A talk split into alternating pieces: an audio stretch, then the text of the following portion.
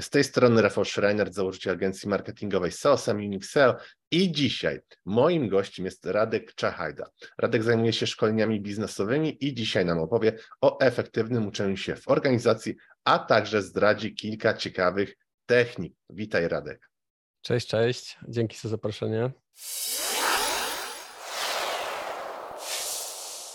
Powiem szczerze, nie mogłem się doczekać tej rozmowy, bo dosyć ten learning, uczenie się to jest też mój taki temat, który od wielu, wielu lat zgłębiam. To już gdzieś tam przed okresem studiów się zaczęło. No to już można powiedzieć z 15 lat temu. I u Ciebie spotkałem się z taką metaforą, że uczenie się jest czymś takim jak dieta, powinno być czymś takim jak dieta, a nie jak fast food. I mam Ciebie takie pytanie, czy Ty chcesz przez to, przez to powiedzieć na przykład, że warto się uczyć codziennie zamiast robić takich wielogodzinnych typowych rauszy, jak to na przykład osoby robią do drugiej, do czwartej nad ranem. I jak coś takiego mhm. można później przełożyć na organizację, czy na firmę, na biznes? To jest właśnie fajna metafora, bo ona kilka rzeczy ujmuje i to, o czym mówisz, to jest e, na pewno ważne i jest mnóstwo badań, które mówią o tym, że lepiej regularnie, bo między innymi dlatego, że nasza pamięć jest y, strukturyzowana w trakcie snu, także jak rozkładamy tą naukę na, na codzienne sesje, to zwiększamy tą szansę na, na przyswojenie tego, czego się uczyliśmy. Ale tutaj dla mnie o wiele, ważny, o wiele ważniejsze jest coś innego, bo mam, mam takie wrażenie, że dużo książek, e, podcastów, mhm. wszystkiego, co dotyczy uczenia się, mówi nam o tym, jak się uczyć jeszcze efektywniej, jak lepiej zapamiętywać. Ale tak naprawdę to, co teraz jest problemem, e, szczególnie w dorosłym życiu, e, to to, że my się uczymy trochę tak właśnie ad hoc, że nagle czegoś mhm. potrzebujemy, to sięgamy po to, co jest pod ręką, czyli właśnie po takiego fast fooda, bo nagle poczuliśmy głód. I o tym fajnie pisze profesor Miriam i profesor Baumgartner w książce Learning in Adulthood.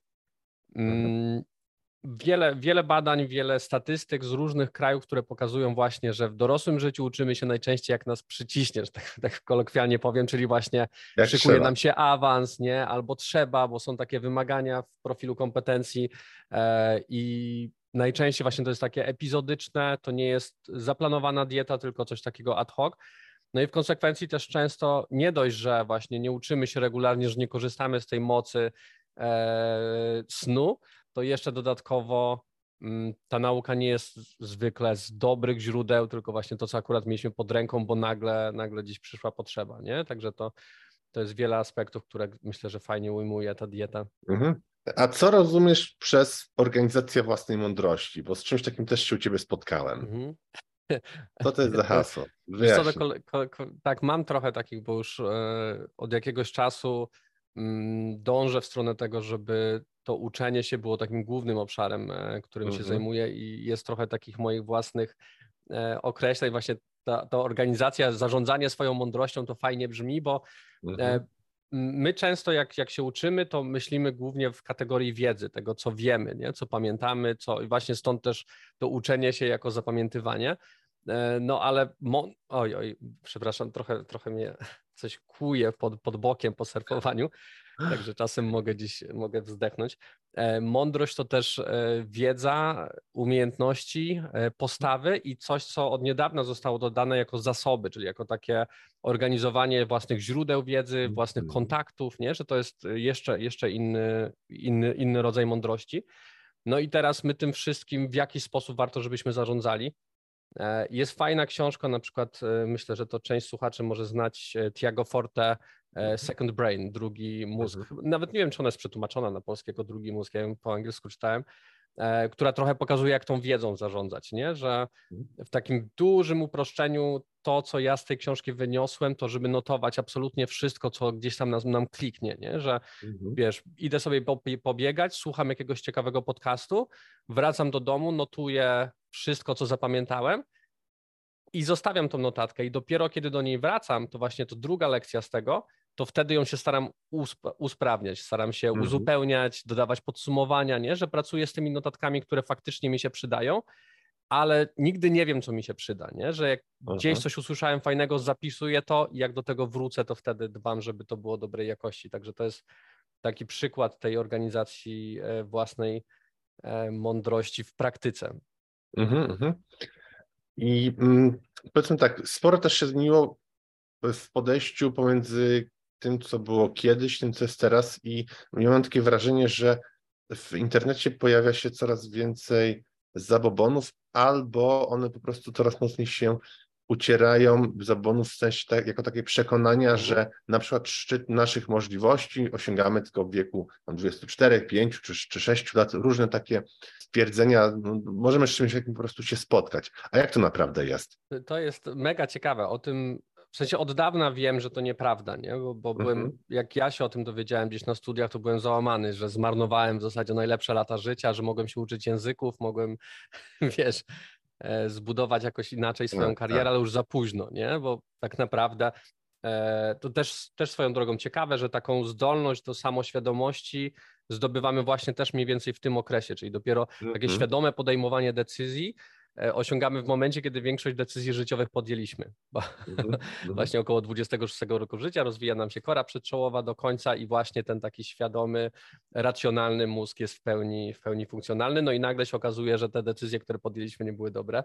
No ale właśnie to nieprawda. Nie? I ostatnio e, czytałem, e, już nie pamiętam w której książce, ale ciekawe porównanie, dlaczego my nie możemy żyć wiecznie, nie? że teoretycznie nasze komórki są wymieniane, ale właśnie wyjątkiem są komórki mózgowe, które rodzimy się z nimi, pojawiają się nowe, ale stare nie wymierają. Nie? Czyli w praktyce właśnie takim e, odpowiedzią na ten mit, że osiągamy sprawność maksymalną w jakimś tam wieku, a potem już, e, już się cofamy, jest to, że właśnie mamy coraz więcej tych komórek e, w naszym mózgu i w pewnym sensie też mamy dzięki temu coraz większą, e, coraz większą pojemność.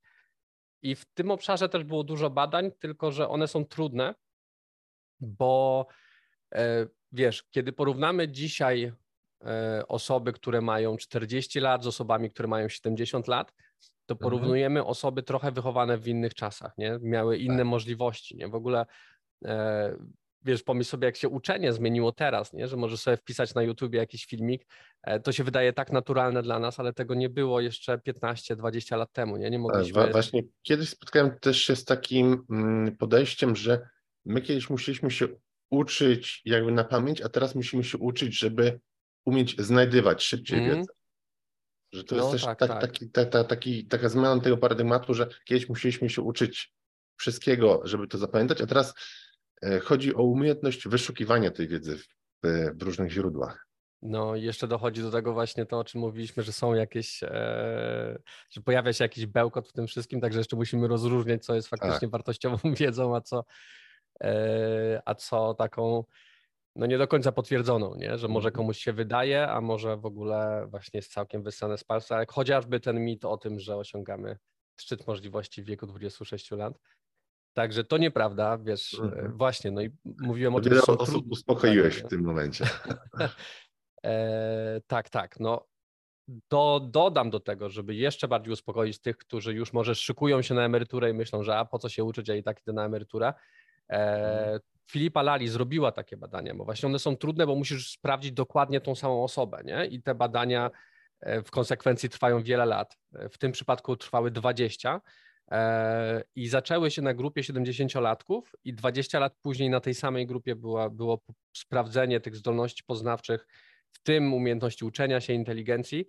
I okazało się, że 90-latkowie rozwinęli te umiejętności przez te 20 lat, nie? Czyli nawet do późnej starości jesteśmy w stanie rozwijać e, nasz, nasze zdolności, zdolności naszego mózgu, a to z kolei obniża szanse na demencję, obniża szanse na wiele, wiele tych chorób E, późnej starości, których chcielibyśmy uniknąć, nie? Czyli po prostu mhm. czasem warto nawet uczyć się czegoś, co e, nie wiem, może nam się do niczego nie przyda, e, ale na pewno na pewno pomoże nam w tym, żebyśmy byli po prostu zdrowsi.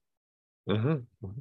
A jeśli chodzi o takie najczęstsze przyczyny, które mogą blokować osoby przed uczeniem się, mhm. co byś tutaj wymienił?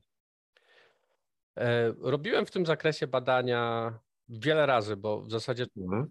trochę jak, jak wprowadzam jakieś interwencje czy szkolenia, webinary, to często od tego też zaczynam, żeby sprawdzić, jak to wygląda w danej grupie docelowej. Też sprawdzałem na mhm. LinkedInie.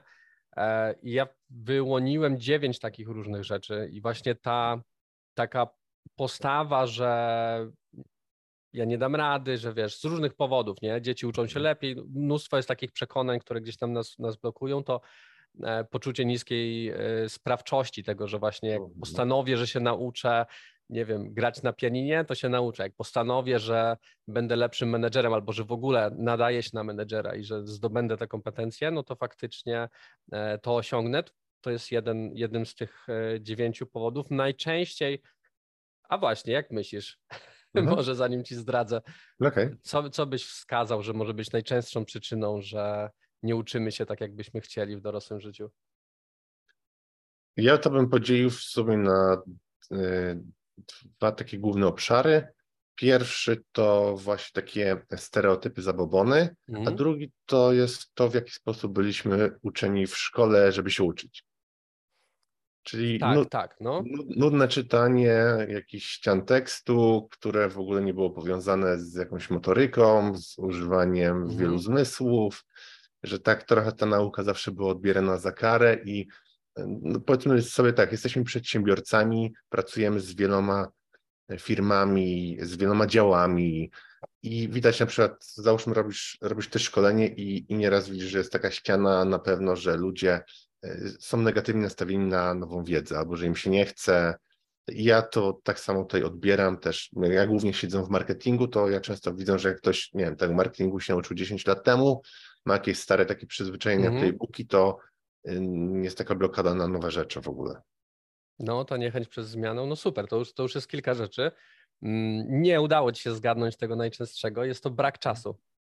A, okay. A chętnie wymówka... się uczę, ale wiesz, no coś tam. Nie? To, jest, -hmm. to jest klasyk, jeszcze może o tym potem więcej porozmawiamy, bo e, tak, no sporo to... z tym pracuję. Nie? Tak, to jest chyba taka najczęstsza wymówka w ogóle odnośnie większości rzeczy, nie tylko uczenia się, bo tak mm. samo z, mam dobrego znajomego, który też um, zajmuje się mocno sportem, ma kilka tutaj powiedzmy punktów takich fitness, siłowni i też zawsze jak z kimś rozmawia, z nowymi osobami, to jest, nie mam czasu, nie mam czasu, a okazuje się, że taka osoba ma wykupionego Netflixa i wiesz, i tam cztery godziny codziennie ogląda. Tak, tak, to właśnie też mnie ostatnio zszokowało. Gotowy rozwinąć swój biznes z Unix SEO? Przyśpiesz i wrzuć wyższy bieg. Bez znaczenia, czy prowadzisz duży e-commerce, czy lokalną firmę usługową. Za pomocą Google Ads, kampanii social media, w tym Facebook, LinkedIn, TikTok, Instagram i innych, a także pozycjonując organicznie w wyszukiwarkach, Unix SEO jest w stanie regularnie dowozić Tobie nowych klientów. Podejmij współpracę z najlepszym partnerem już teraz. Wejdź na unixseo.pl i wypełnij formularz. Zastanawiam się, jak to wygląda w Polsce, ale badania w Wielkiej Brytanii na grupie 20, od 28 do 35 lat, czyli e, mhm. milenialsi, młode osoby, które gdzieś tam jeszcze mają energię życiową, jakby się wydawało, mhm. 28 godzin tygodniowo przed oh, wow. E, serialami, nie? Byłem w szoku, że aż tyle, nie? I, i wiesz, Wyciągnij z tego 5 godzin. Naprawdę nie trzeba rezygnować całkowicie z seriali. Dalej masz masę, wiesz, zrobisz sezon e, serialów w tydzień, i jeszcze masz czas na to, żeby, żeby się pouczyć codziennie tak. po godzinie, nie? Także tak, 28 naprawdę... godzin to jest 3 czwarte etatu. To, to można tak, za jedną czwartą etatu y, wziąć się tak już nawet nie amatorsko, tylko już dobrze za, za jakiś sport. Codziennie można mm. robić sobie godzinkę, półtorej, to już jest tak, tak dobrze. Można też jakieś dodatkowe hobby rozwijać, czy ktoś może jakąś pracę dodatkową mieć nawet na pół etatu z tych trzy czwarte. Nie? No można by było właśnie w jakiś sensowny sposób to zacząć wykorzystywać, bo trudno jest od razu zmienić taki nawyk, nie? To, mhm. E, to jednak wymaga czasu, ale stopniowo właśnie jak wyłuskamy, raz stwierdzimy, a dobra, już prawie włączam, już tam robię sobie popcorn, nawet zróbmy sobie ten popcorn, ale zamiast włączać mhm. E, serial, włączmy sobie jakiś kurs online, nie? Ich też jest teraz przecież masa e, i to już jest, to już jest jakiś krok w tą stronę, także to właśnie się zdarza najczęściej, no i, no i z tym najczęściej też w konsekwencji pracuję, ale też wspomniałeś trochę o tym właśnie, o, o tym, że ze szkoły mamy takie złe nawyki uczenia się, no i to w konsekwencji sprawia, że my czujemy, że stoimy w miejscu, nie? że ktoś weźmie się, nie wiem, klasyk, aplikacja, którą bardzo lubię i bardzo jej nie lubię, czyli Duolingo. Mhm. E, wiesz, znam osoby, które uczą się z Duolingo rok, dwa lata, trzy lata i mówią, że kurczę, w sumie nic nie umiem, nie? nic się nie nauczyłem tego języka, wyjeżdżam za granicę, nie potrafię dalej zamówić no. E, chleba w piekarni, nie? E, bo ta aplikacja jest fajna, wciągająca, ale ona, ona, nie do końca wspiera uczenie się wszystkich kompetencji językowych, nie? że może rozpoznawanie słówek, że wiesz, zobaczysz coś tam w menu, to będziesz wiedział, co to jest, ale no już to mówienie, to tam średnio, nie? Niby są jakieś próby w tą stronę, mhm. ale to nie do końca działa, nie? Także właśnie uczymy się, ale nie czujemy rezultatów. Powiązane z tym to jest brak, um, znaczy niechęć taka do niektórych form materiałów. Ja mam na przykład sporą niechęć do książek biznesowych, i okay. wiesz, i to mogłoby wyglądać tak, ktoś mi powie, a wiesz, mógłbyś się pouczyć inteligencji emocjonalnej. A wiesz, mhm. czytałem kiedyś książkę o inteligencji emocjonalnej, nic mi to nie dało, nie? Czyli wiesz, mm. Problem z głowy, tak? Spróbowałem, mm. nie dało się, ale wiesz, no, tych e, modalności uczenia się jest dużo. Jak ci nie odpowiada książka, posłuchaj podcastu, e, zrób tak. kurs, e, skorzystaj z jakiegoś indywidualnego wsparcia, z coachingu może w tym zakresie. Nie jest mhm. dużo różnych sposobów na to, żeby się czegoś nauczyć. Czy właśnie tak, tych, jeśli chodzi akurat o naukę, to rzeczywiście książki są mało efektywne, bo no, ciężko jest nam po pierwsze w ogóle się skupić. Mm. Tak długo, jeśli czytamy i nie angażujemy też wszystkich zmysłów, no najprościej oczywiście jest to robić w praktyce, mieć jakiegoś coacha, mm. mentora, z którym idziesz w teren i, i to robisz. To tutaj też w 100% popieram Dokładnie, to, co no, no. Możemy jeszcze podkreślić mocniej ten mentoring, bo ja myślę, że za rzadko ludzie z tego korzystają, a to jest mega, nie? I jest taka tak. obawa, że a poproszę kogoś, on mi odmówi, nie? Po tak. pierwsze, to raczej ludzie nie odmawiają, bo to miło, jak ktoś poprosi, że a czy znajdziesz dla mnie 15 minut, bo chcecie mhm. poprosić o poradę, nie? To automatycznie też sprawia, że ta osoba jest gdzieś wyniesiona na piedestał, tak, tak. a po drugie, jak ktoś odmówi, to zawsze możemy poprosić kogoś innego, nie? Także to jest też super właśnie forma. Tak, i jeszcze jednym takim plusem mentoringu jest to, że on potrafi naprawdę nawet nie godziny, tylko tygodnie bądź miesiące nam zaoszczędzić na szukaniu wiedzy. Bo mm. jeśli zaczynamy się czegoś uczyć, to ciężko jest w ogóle znaleźć właściwe rzeczy, których mamy się uczyć. Na przykład załóżmy, ktoś chce prowadzić biznes, to jest milion rzeczy na internecie e, odnośnie prowadzenia biznesu czy rozwijania i 90 parę procent to jest, wiesz, po prostu taki przysłowiowy bullshit. I ciężko jest naprawdę znaleźć tą, tą, tą wiedzę. Ja ja wielu rzeczy naprawdę w swoim życiu się uczyłem i najtrudniejsze to zawsze dla mnie było znalezienie dobrej, e, dobrego tematu, dobrych materiałów, z których można się uczyć. Bo już sam proces nauki z tym nigdy nie miałem problemu. Mnie fascynuje uczenie się nowych rzeczy.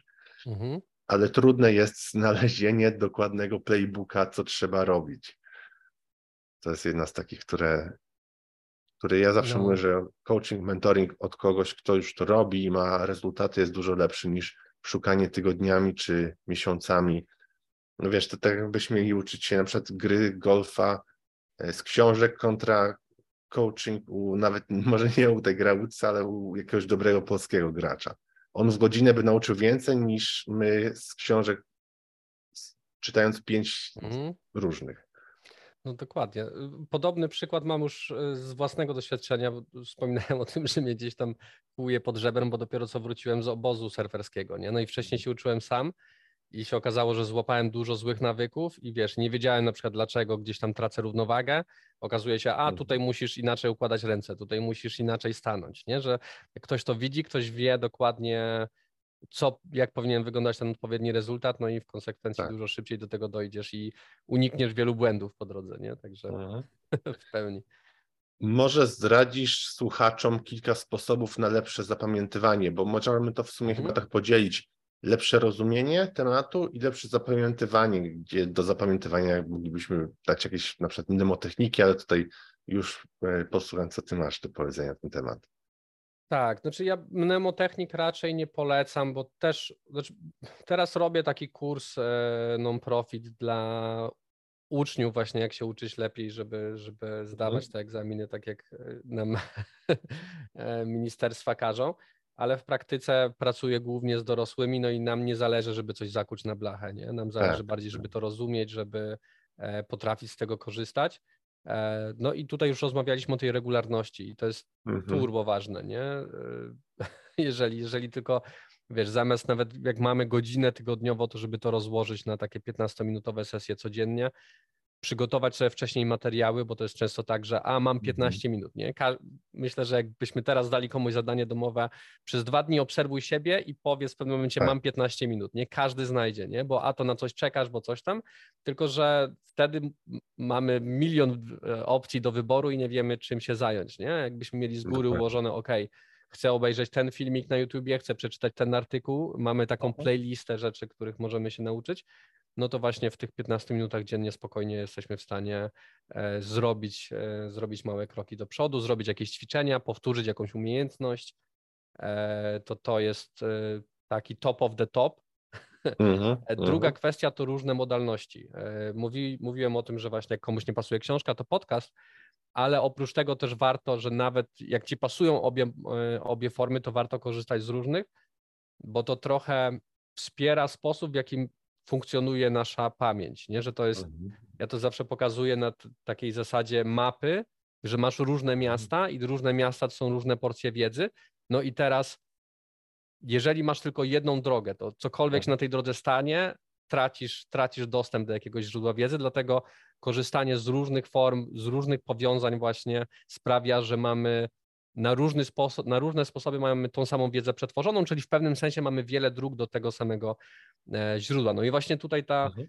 E, wracając do mnemotechnik, to, to jedna, z, jedna z nich, pałac pamięci, właśnie w taki, w taki sposób funkcjonuje, nie? że my tworzymy skojarzenia ze znanym nam miejscem do mhm. czegoś, co chcemy zapamiętać, nie? że na przykład, e, nie wiem, wyobrażam sobie, że w moim domu jest e, gdzieś wielki arbuz, jest e, coś tak. tam, coś tam po to, żeby zapamiętać listę zakupów. Nie? No mhm. to jest klasyk taki wykorzystania tej,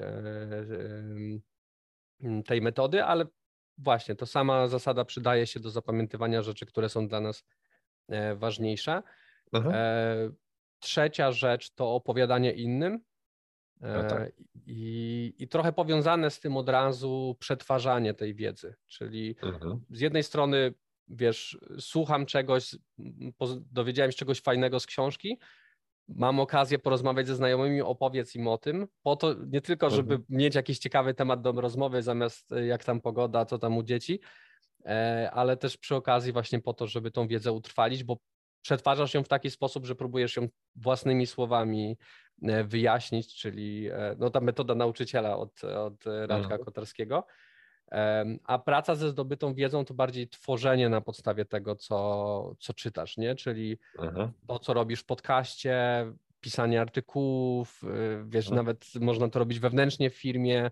Ja się czegoś nauczyłem, podzielę się z wami, to też właśnie przetwarzasz tą wiedzę, starasz się, żeby ona była przystępna, no i w konsekwencji o wiele lepiej ją e, zapamiętujesz, bo no niestety nie da się, wiesz, że właśnie byłem na jednym szkoleniu, dowiedziałem się o czymś, no i już jestem, już w pełni jestem w stanie to wdrażać, nie? że musimy to powtarzać, musimy to do tej wiedzy wracać, a mam wrażenie, że to jest taka ogromna luka w tym, jak się uczymy w dorosłym życiu, że właśnie te epizody, nie, a nie ma takiej tak, tak. ciągłości, tak. że okej, okay, tego się nie, no właśnie, no to miałem na szkoleniu, ale nie, nie kontynuuję tego dalej. Okej. Okay. E, kilka lat temu była popularna bardzo książka Malcolma Gladwella. Sam ją czytałem. Praktycznie jeszcze chyba nie było tłumaczenia na język polski. To było z 10-15 lat temu. E, ogólnie bardzo lubię tego autora i miał kilka takich ciekawych książek z ciekawymi e, story, nawiązaniami.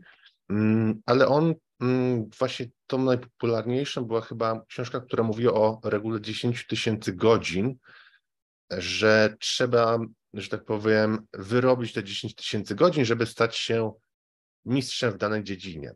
Później trochę ta koncepcja została rozwinięta, że tu jednak nie chodzi tylko o te 10 tysięcy godzin, tylko żeby to była taka wysokiej jakości praktyka, deliberate practice, czyli aby, żeby naprawdę nauczyć się tych nowych umiejętności, oprócz czasu trzeba świadomie się do tego przyłożyć. I czy to jest wszystko, czy może coś byś do tego dodał? Jak ty w ogóle podchodzisz do tego tematu?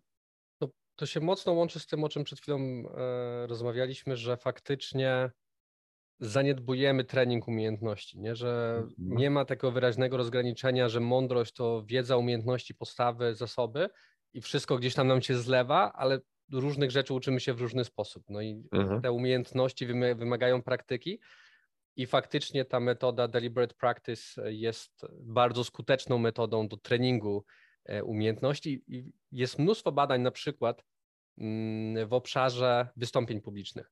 Mhm. Jest sporo rzeczy w trakcie samego prowadzenia wystąpienia, nad którymi możemy pracować. Nie? Między innymi tak. coś, co zrobiłem przed chwilą, jak pomyślałem o badaniach, o wystąpieniach, zrobiłem yy, okay. w, czasie, w czasie zastanawiania się. Nie? I właśnie te kompetencje możemy rozwijać z pomocą tej, e, tej metody, czyli mamy praktykę regularną skupioną na jednym konkretnym obszarze, czyli na przykład chcę mhm. wyrugować z mojego mówienia to y, nie? Mhm. E, przygotowuję jakieś wystąpienie tak. i staram się jak najmniej popełniać tych konkretnych błędów, ale dodatkowo mam jeszcze feedback z zewnątrz od eksperta, od kogoś, okay. kto, kto wie, jak to powinno wyglądać, bo o ile y jest łatwe, i tutaj ja często na szkoleniach z wystąpień robiłem tak, że to u, uczestnicy sobie nawzajem podnosili rękę, że o właśnie zrobiłeś y i dzięki temu ja jestem coraz bardziej świadomy, że to robię i w końcu jestem w stanie to wyrugować i te badania, które pamiętam właśnie z tego, z tej metody uczenia się wystąpień publicznych, trzy tylko próby i z 26 błędów o zmniejszenie do 3-4 w czasie wystąpienia, nie? Także super. To wynik naprawdę bardzo dobry.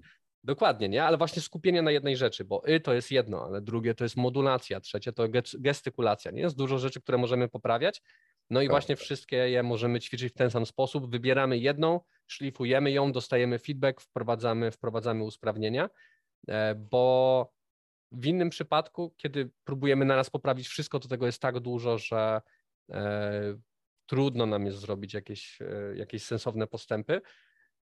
I właśnie Gladwell to wziął z badań Andersa Eriksona, mhm. ale on troszkę opacznie to, opacznie to zrozumiał, bo od tych 10 tysięcy godzin właśnie ważniejsze jest to, w jaki sposób ćwiczymy te umiejętności. A Erikson badał ludzi, którzy osiągali światowy poziom, olimpijski czy największe, największe osiągnięcia muzyczne i właśnie mhm. wskazywał, że Mm, od talentu ważniejsza jest regularna praktyka, a właśnie tym osobom, które on badał, zajmowało około, jak dobrze pamiętam, około 10 lat, żeby dojść do poziomu olimpijskiego. Ja wolę na przykład to, to 10 lat regularnej praktyki od 10 tysięcy godzin, bo to nie do końca, w sensie trudno by było nawet to zmierzyć, czy to było 10 tysięcy godzin, nie? Tak, tak, tak. Przypomnieć sobie, jak to, ma, jak to Gladwell oszacował, ale wiesz, kiedy myślisz sobie, ok, chcę zostać olimpijczyk, olimpijczykiem w czymś, nie? To Aha. potrzebuję 10 lat i w praktyce każdy z naszych słuchaczy i tego im wszystkim życzę, że mają jeszcze 10 lat. Czyli nawet jak zaczynam coś zupełnie nowego, to tak. właśnie tą regularną praktyką, regularnym ćwiczeniem tych umiejętności jestem w stanie dojść do e, światowego, e, światowego poziomu, pod warunkiem, że właśnie tutaj wracając do naszych blokad uczenia się, że nie będę miał słomianego zapału, tylko gdzieś tą mhm. motywację będę pielęgnował sobie, e, no i wytrwam w tym, nie? w tym treningu umiejętności przez dłuższy czas, no bo to jednak wymaga trochę czasu, żeby takie umiejętności zdobyć. Tak, a to, że ktoś też napisał książkę, to też nie, i jest ona światowym bestsellerem, to też nie znaczy, że tam są wszystkie mądrości świata, bo często mm. właśnie jak na przykładzie Gladwella widzimy, że nie do końca on to dobrze zinterpretował badania. I chyba teraz mi się przypomniał taki też um, takie duże potknięcie, kojarzy książkę Amikadi, ona badaczka z Harvardu, która określała, zrobiła takie popularne badania, miała wielomilionowe odsłony na TEDzie odnośnie postawy ciała. Napisała książkę, polski tytuł chyba to jest mm. tłumaczenie wstań czy, mhm. czy stój i tam były takie badania, które ona po kilku latach przyznała się, że oni y, zrobili nadinterpretację i to nie były prawdziwe badania, a mimo tego, widzisz, badaczka z Harvardu y, zrobiła na tym karierę, wywiady w CNBC, na TEDzie tam po 20 milionów jej wyświetlenia miały. I okazało się, że to był taki, taki fake, wiesz, na zasadzie, że jak mhm. przyjmiesz pozycję jakąś otwartą, na przykład, to ci się wydzielam y, hormony wiem, szczęścia, czy więcej testosteronu i, i ona miała takie, wiesz, prowadziła takie mm, coachingi, później szkolenia, że trzeba było, wiesz, przed ważną rozmową stoisz wyprostowany, ręce rozłożone i ci się wydziela więcej testosteronu i dlatego masz lepszy performance. I to się okazało, że to była jedna wielka ściema. Tak, tak. No, trzeba uważać na takie super proste, wiesz, jedna prosta technika, nie? że to jednak tak. życie jest złożone i myślę, że to nie było szkodliwe, nie? że tym bardziej, jeżeli siła sugestii jest tak duża tutaj, że są badania, że to na pewno działa, to myślę, że ludzie naprawdę są w stanie poczuć się lepiej, kiedy w to wierzą, nie? że staną tak. Także to, to może nie było jakieś tam szkodliwe, bo są takie przykłady, że ktoś, wiesz, opowiada. Ostatnio, ostatnio słuchałem takiego podcastu, gdzie gość mówił o metodzie jego na e, pracę taką przez całą noc, że on pije bardzo dużo napojów i nie korzysta z łazienki. I w rezultacie są jakieś, są podobno jakieś e, systemy regulujące w mózgu, które sprawiają, że jesteś ciągle pobudzony przez to, że, że zwyczajnie chce się siku. Okej, okay, no, może coś tym jest. Ale czy to jest zdrowe, nie? No, no nie sądzę, nie? No właśnie, właśnie. A co byś polecił naszym słuchaczom, jeśli chodzi o planowanie własnego rozwoju? Mm. Właśnie, no bo myślę, że tego robimy najmniej, nie? I planujemy sobie każdy dzień, nawet najdrobniejsze jakieś zadania, co, mhm. będziemy, co będziemy robić w danym dniu. To dlaczego by nie stworzyć, tak, żeby wiesz, po, po linii najmniejszego oporu, żeby e, nie było to coś takiego, jakaś rewolucja w naszym życiu, to równoległa lista do tego, co robię, lista, czego chcę się uczyć, nie? No i mhm. konkretne, mogą to być konkretne materiały, które gdziekolwiek, wiesz, wpadnie mi inspiracja, o, usłyszałem o tej ciekawej książce, to może ją poczytam, albo o, ktoś mi tam podesłał e, filmik na YouTube, który jest dla mnie wartościowy, mhm. albo samodzielnie takie filmiki gdzieś sobie wyszukam, nie? I mam, e, mam tą listę, którą, którą mogę sobie w ciągu tygodnia odhaczać to mhm. to już jest jakiś krok w stronę tego, żeby to było przemyślane, nie? Bo to nie jest tak, że E, pojawia się potrzeba i od razu wpada na talerz, jak w przypadku fast foodu, tylko właśnie mhm. pojawia się potrzeba, zastanawiam się, wrzucam sobie na listę, a potem z tej listy wybieram. Nie? Także jest już trochę takiego, e, takiej organizacji i myślę, że od tego warto zacząć i sam z tego korzystam, bo e, no wiele jest takich dziedzin, w których ten rozwój nie potrzebujesz, był bardziej zaplanowany, przykładowo mhm. jazda na deskorolce. Nie? Wiem, że chcę się nauczyć tego triku, tamtego, tak. ale niekoniecznie potrzebuję mieć strategię, jak 5 lat e, stanę się kolejnym Tonym Hawkiem. Także w takich obszarach gdzieś korzystam sobie właśnie z takich e, list. A mhm. jeżeli chcemy trochę bardziej zadbać o nasz rozwój, no to tutaj już wchodzimy w obszar e, modeli kompetencji. Mhm. Wiesz, jest ten klasyczny model T, z tym, że we współczesnym świecie to już nie do końca jest T, trochę jest M, niektórzy mówią grzebieniem, tarczą, nie? że jest wiele obszarów specjalizacji, które musimy równolegle rozwijać. Mhm. Ja zawsze korzystam z takiego porównania, że ten model kompetencji w momencie, kiedy go tworzysz, to jest taką trochę idealną wersją ciebie, nie? że wyobrażasz mhm. sobie, że ok, chcę potrafić to, to i to, to mi się mhm. przyda do tego i tego, e, nie wiem, szykuje się właśnie jakaś może zmiana związana z czatem GPT, chcę go dobrze poznać, tak. cokolwiek, nie? Warto też ten, ten model tworzyć sobie często, bo świat jest teraz tak dynamiczny, że te rzeczy, których się uczymy, pewnie się będą też, e, też się będą zmieniały. Mhm. E, no i mam tą idealną wersję siebie, no i wtedy porównuję, ok, w tym obszarze jeszcze mi sporo rzeczy brakuje, no to teraz to będzie moim priorytetem na naukę, nie? I mhm. wracamy do listy to learn i na nią już rzucamy konkretne rzeczy, których się będziemy w danym czasie uczyć. Tak, żeby działać. A co może zrobić, w ogóle co byś polecił osobom, które no mają tą standardową wymówkę, o której mówiliśmy, że nie mają czasu na naukę, czyli ta najczęstsza, która tak nie do końca w sumie jest prawdziwa, bo jak ma się mm. czas na oglądanie telewizji przez te 28 godzin w tygodniu, tak jak powiedziałeś w Wielkiej Brytanii, tak, podejrzewam, znaczy, że w znaczy Polsce to jest podobnie.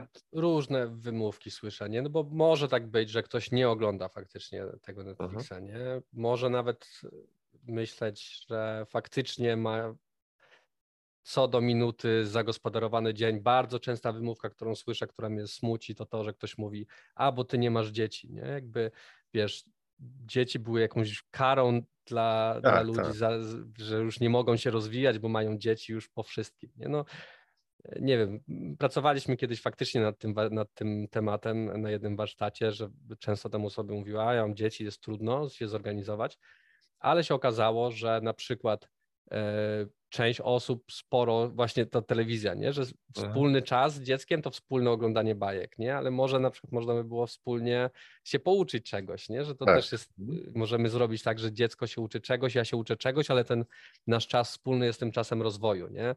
Kiedy... To jest taka sytuacja win-win. No, dokładnie, nie? Dzieci robią swoje zadania domowe, ja robię swoje. To też jest pokazanie tym dzieciom, że nauka jest naprawdę ważna, a nie tylko, że wiesz, a ty się musisz uczyć, bo jesteś w tym wieku, a ja już nie muszę, bo jestem dorosły, nie? Także to tak. też, też, też, gdzieś myślę, że jest To w sumie tak nasze pokolenie było wychowywane. Podejrzewam, że obecne też jest podobnie, bo raczej nie wydaje mi się, żeby ta jakość parentingu jakoś szła do góry. Mhm. To jest chyba trochę tak, że dzieciom się daje, masz tu smartfona i mi głowy nie zawracaj. Trudno mi powiedzieć, wiesz, mam nadzieję, że mam nadzieję, że nie. Niemniej nie chciałbym, żeby, żeby często to była wymówka, że ja się nie uczę, bo mam dzieci, nie? Mhm. Bo, bo znam osoby, które mają dzieci i potrafią sobie wygospodarować na to czas, bo to trochę kwestia priorytetów. No i właśnie mhm. najprostsze takie ćwiczenie, które ja polecam, e, jak ktoś mówi, że nie ma czasu, to żeby tak przyjrzeć się dość skrupulatnie temu, jak ten czas wykorzystujemy. E, mhm. Jest fajna aplikacja bezpłatna Toggle, e, nie wiem czy kojarzysz właśnie do monitorowania tak, tak. czasu. I wystarczy tam kliknąć play, napisać jednym słowem, co aktualnie robię i przez tydzień sobie obserwować, jak mój tydzień tak naprawdę wygląda, nie? I, i, I po tym, jak zobaczymy już taki wykres, nie Mam, mamy właśnie konkretne rzeczy, które robiliśmy yy, każdego dnia, to warto się zastanowić, które z tych rzeczy są czasem marnowanym, nie? Bo wiesz, jeżeli nie Netflix, to ludzie często są zaskoczeni, jak wiele czasu poświęcają na social media. Uh-huh, uh-huh. Przy, aktualnie przy Make Life Harder, które myślę, że jedna osoba E, na, e, wśród słuchaczy przegląda, też, też e, z tego korzystam. Przejrzenie wszystkich stories z jednego dnia to jest jakieś pół godziny. Nie? Tak, I teraz, tak. czy te pół godziny naprawdę mi dają tyle wartości? Nie? Czy świat mi, czy mo, moje samopoczucie ulegnie pogorszeniu, jeżeli ja jednego dnia tego nie zrobię? A czy moje samopoczucie by polepszyło się, jeżeli w te pół godziny ja zamiast tego pouczę się języka na przykład, nie? Także mhm. To jest, ta, to jest ta kwestia tych priorytetów. Czas marnowany to jedno, drugie to czas oczekiwania, o którym już trochę rozmawialiśmy, że e, po prostu coś zrobiłem szybciej, czekam na spotkanie, mam 15 minut, 20, e, też ten czas można sobie fajnie zagospodarować. E, I trzecia kategoria to czas niewymagający. E, mhm. To jest, taki, to jest taki obszar, z którego ja korzystam najwięcej, ale też spotykam się z dużym oporem, e, bo na przykład ja nie lubiłem chodzić na siłownię, Mhm. Ale teraz jak chodzę na siłownię, to słucham sobie właśnie podcastu, słucham książek i dla mnie to jest ten czas rozwoju, nie? Ale mhm. ktoś mówi, a czy nie można po prostu pójść na siłownię i czemu ten rozwój, rozwój, rozwój, coś tam. No, no nie trzeba, nie? Jeżeli czasem, jeżeli czuję, idę biegać, czuję, że nie chcę słuchać e, podcastu mhm. jakoś, wiesz, standardem jest, że słucham, ale jak czuję, że nie mam siły, to tego nie robię. No nie będę się gdzieś tak, na siłę tak. zmuszał, ale wiesz, jak nawet nie chcesz zacząć, bo mówisz, że a, tylko nas zmuszają do rozwoju, to może to jest właśnie ta, ten opór przed zmianą, te, te, to może gdzieś tam leży problem z naszym uczeniem się na poziomie postaw, nie? E, także to każdy, nikt nie ma czasu na nic, nie? Każdy w jakiś sposób 24 tak. godziny wykorzystuje, mhm. ale jak się przyjrzymy temu, na co ten czas poświęcamy, to może się okazać, że gdzieś znajdzie się luka, nie? Mhm. Jest też fajna książka chyba ona po polsku się nazywa 178 godzin. Znaczy ona w cudzysłowie fajna, bo zaraz ktoś ją przeczyta i powie, że tam nic nie ma ciekawego. Okay. E, ale właśnie jak ja ją przesłuchałem e, gdzieś w trakcie siłowni, także zajęło mi to dwa, trzy wyjścia na siłownię, żeby ją przesłuchać i jest tam mhm. kilka myśli, e, w tym jedna taka, która mnie najbardziej tknęła, że tak naprawdę wszystko można delegować. W dużych miastach możesz spokojnie wydelegować nawet zrobienie prania, nie musisz tego robić samodzielnie. Nie? Może jest, mhm. jest, mnóstwo rzeczy, które mówimy, że musimy robić, które mhm. zabierają wiele czasu, ale może właśnie bardziej by się opłacało nam to zdelegować i ten czas poświęcić na, na naukę. Nie? Także mhm. kwestia priorytetyzacji, wyszukiwania tego, co tak naprawdę jest dla mnie ważne. Jeśli chodzi o audiobooki i podcasty, to dla mnie to był też wiele lat temu game changer.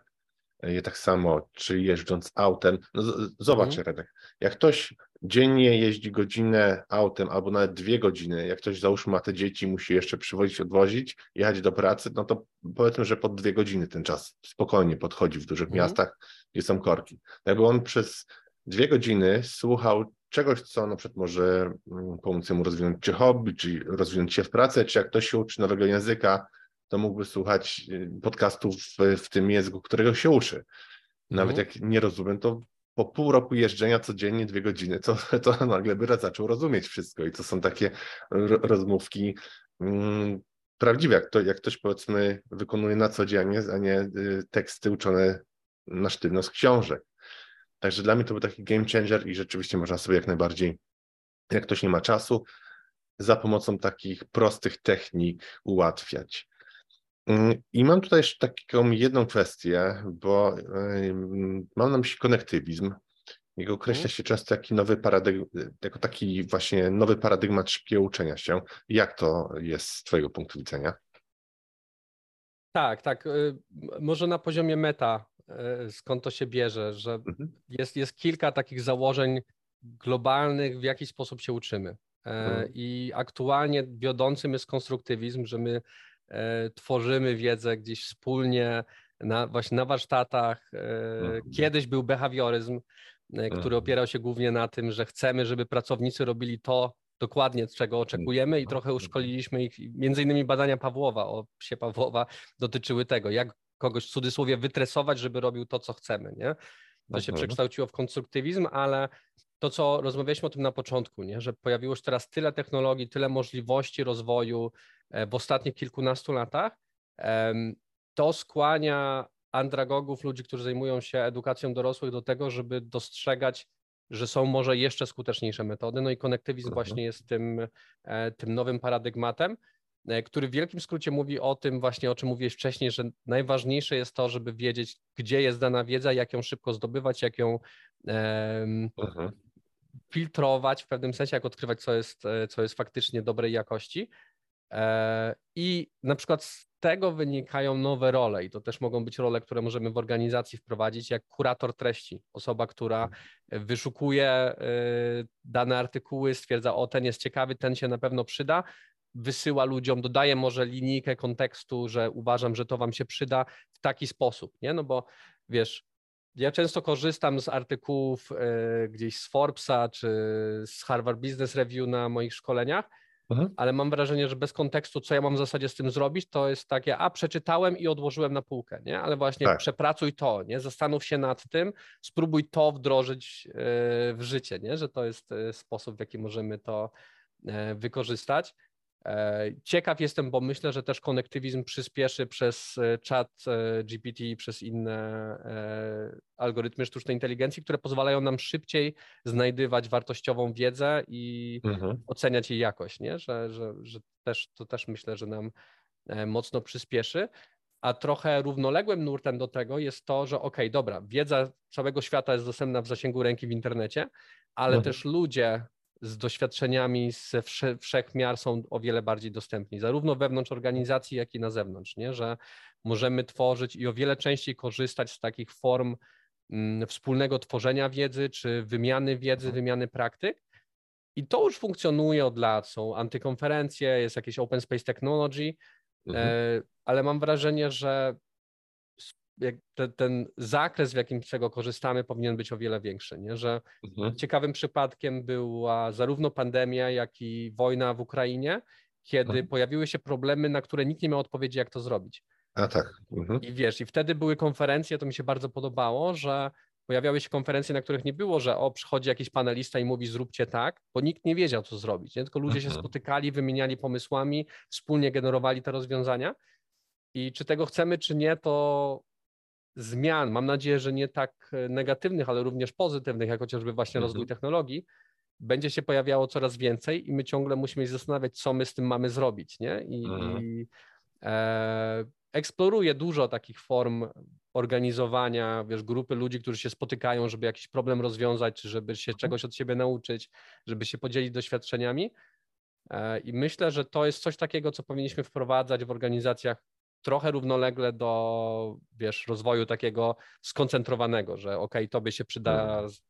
umiejętność wystąpień publicznych, tobie przywództwa, tobie dawania feedbacku, to tak. właśnie dodatkowo trochę otwarcie się na takie uczenie się mm, mocno e, społeczne. Mhm. Radek, czy chciałbyś jeszcze coś dodać? tak zerkam na moje notatki, myślę, że bardzo dużo, bo, bo trochę ten temat tak powierzchownie potraktowaliśmy, ale mam nadzieję, że to daje trochę inspiracji do tego, że, jest różne, że są różne mm, kwestie ważne dla nas dotyczące uczenia się, że jest to umiejętność, którą można właśnie na takie kwestie rozbić i po kolei, mhm. E, po kolei je rozwijać. I myślę, taka ostatnia myśl, która mi przyszła do głowy, jak mówiłeś o tym słuchaniu w, e, mm, książek w trakcie jazdy autem, bym wrócił do tego, o czym mówiliśmy na początku, żeby pamiętać też, żeby tą wiedzę potem notować, żeby do niej wracać mhm. i myślę, myślę, że to jest takie, jeżeli jedną rzecz mamy wziąć z tego podcastu, to myślę, że ta na pewno nas popcha dużo dalej w tym, jak się uczymy e, efektywnie i myślę, że to mhm. z tym chciałbym wszystkich zostawić. E, gdyby ktoś chciał się z Tobą skontaktować, to gdzie najszybciej albo najprościej może Ciebie odnaleźć? E, jeżeli się wpisze moje nazwisko w Google, Czachajda przez samocha, to Od razu będziesz. Mam to szczęście, że jest to nietypowe nazwisko, także cała pierwsza strona Google jest w zasadzie moim blogiem. Mhm. E, a dodatkowo też mail, w zasadzie też na LinkedInie, na, na Instagramie też korzystam z tego samego e, niku Czachajda, mojego nazwiska, mhm. a mój mail to radekmałpaczachajda.pl.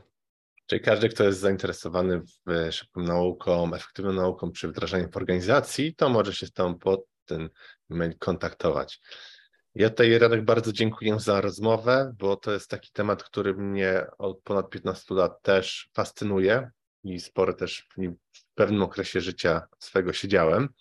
I oczywiście zachęcam wszystkich, którzy słuchali ten podcast, czy oglądali ten wywiad na YouTubie. Jeśli macie osoby w swoim najbliższym otoczeniu, które mówią właśnie, że nie mają czasu na naukę, i chcą się uczyć więcej, to oczywiście obowiązkowo udostępnijcie ten odcinek. Także jeszcze raz, Radek, ja dziękuję za rozmowę. Dzięki wielkie.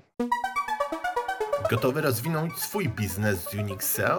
Przyśpiesz i wrzuć wyższy bieg. Bez znaczenia, czy prowadzisz duży e-commerce, czy lokalną firmę usługową. Za pomocą Google Ads, kampanii social media, w tym Facebook, LinkedIn, TikTok, Instagram i innych, a także pozycjonując organicznie w wyszukiwarkach, Unixel jest w stanie regularnie dowozić Tobie nowych klientów. Podejmij współpracę z najlepszym partnerem już teraz. Wejdź na unixel.pl i wypełnij formularz.